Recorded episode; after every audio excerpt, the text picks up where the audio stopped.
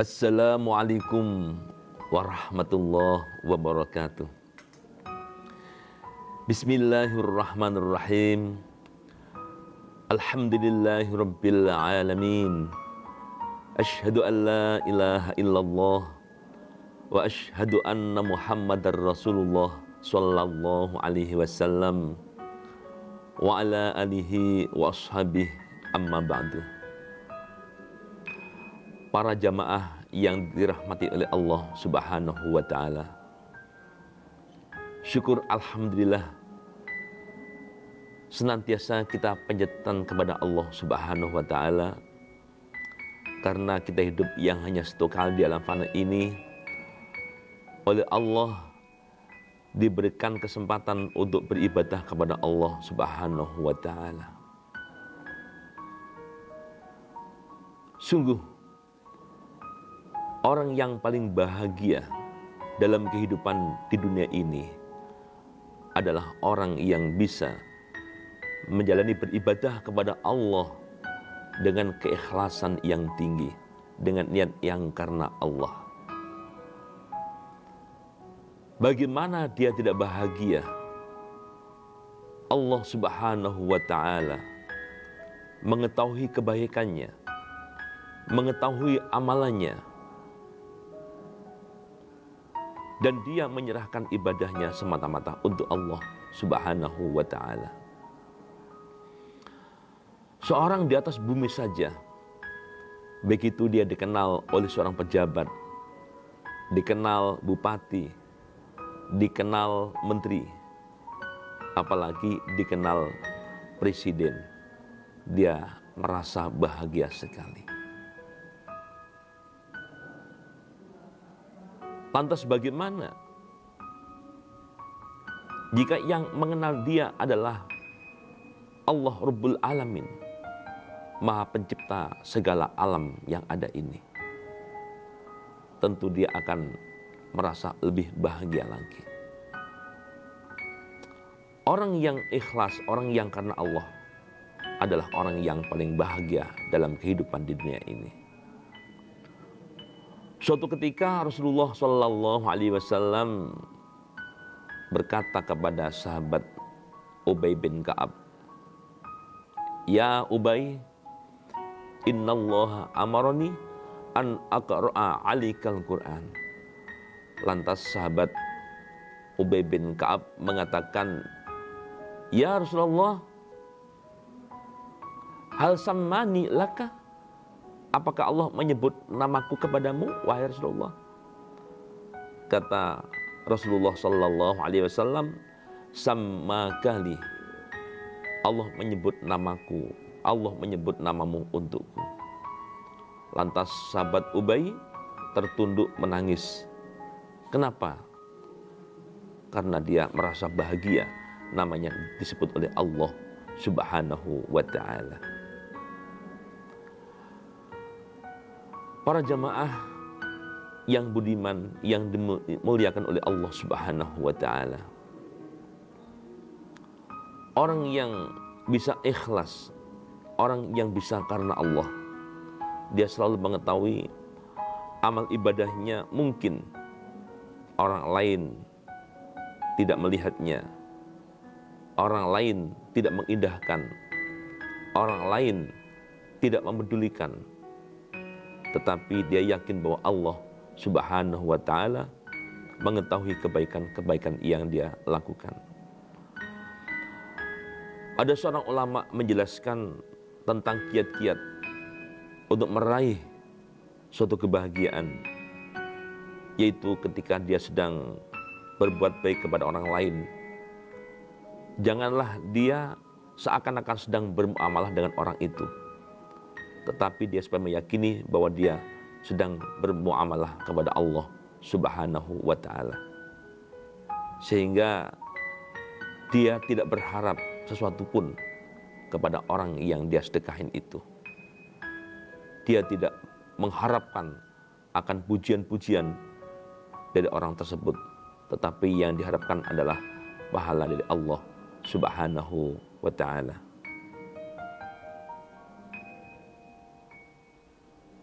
Para pemirsa yang budiman,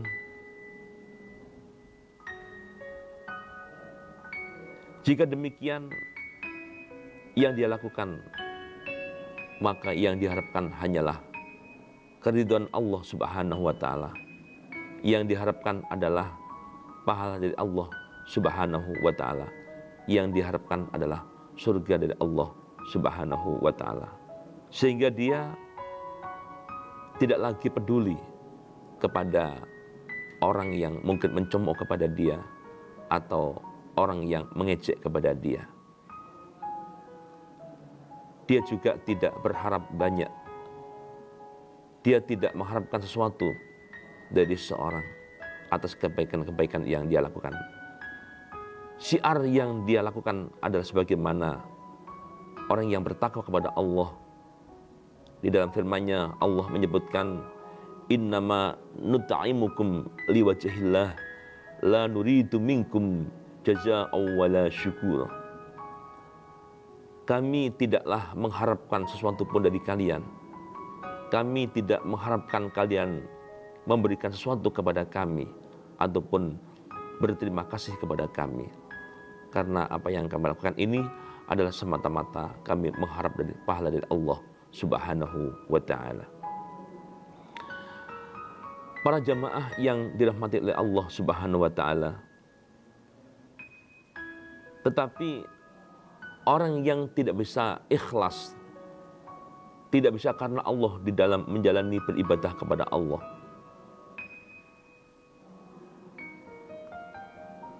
Maka yang akan selalu diharapkan adalah pujian-pujian dari seseorang. Yang diharapkan adalah imbalan sesuatu dari orang lain. Orang yang ikhlas, ya, dia akan selalu mengutamakan, dia akan selalu berharap semua dari Allah Subhanahu wa Ta'ala.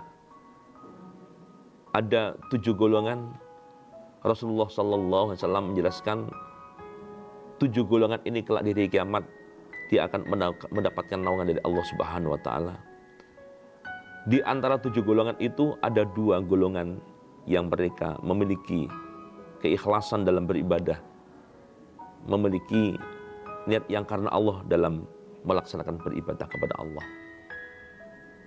Yang pertama, rojulun tasaddaqa yaminuhu fa'akhfaha hatta la ta'lama shimaluhu ma tunfiku yaminuh. Seseorang yang ketika dia melaksanakan sedekah ini, dia tidak bilang kepada orang lain. Dia tidak ingin dilihat oleh orang lain. Tetapi dia sengaja sedekah dengan sembunyi-sembunyi. Sampai-sampai ketika tangan kanan memberikan sedekah, tangan kiri tidak, tidak melihatnya. Karena yang diharapkan adalah semata-mata pahala dari Allah Subhanahu wa taala, bukan pujian atau sanjungan dari orang lain. Yang kedua adalah rojulun Zakarallaha khalian fafadat ainahu. Seorang laki-laki yang dia ingat kepada Allah. Dalam keadaan sendiri, dia kemudian menangis, meneteskan air mata. Ini karena dia merasa bahagia bisa bermuamalah kepada Allah. Dia merasa bahagia karena dia merasa mendapatkan perhatian dari Allah. Dia merasa bahagia karena dia adalah orang yang betul-betul bisa berharap hanya kepada Allah Subhanahu wa taala. Orang yang bisa ikhlas sekalipun dalam kondisi yang ramai banyak orang di sana dia tetap akan bisa mengkondisikan dirinya untuk bermuamalah kepada Allah.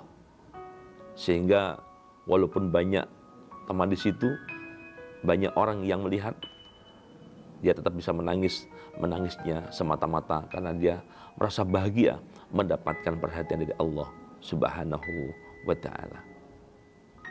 Para pemirsa yang budiman, itulah pentingnya kita memiliki hati yang ikhlas, hati yang karena Allah dalam kita menjalani kehidupan beribadah kepada Allah Subhanahu wa taala. Demikian apa yang dapat kami sampaikan. tentang pentingnya memiliki keikhlasan hati, niat yang karena Allah dalam kita melaksanakan beribadah kepada Allah Subhanahu wa taala.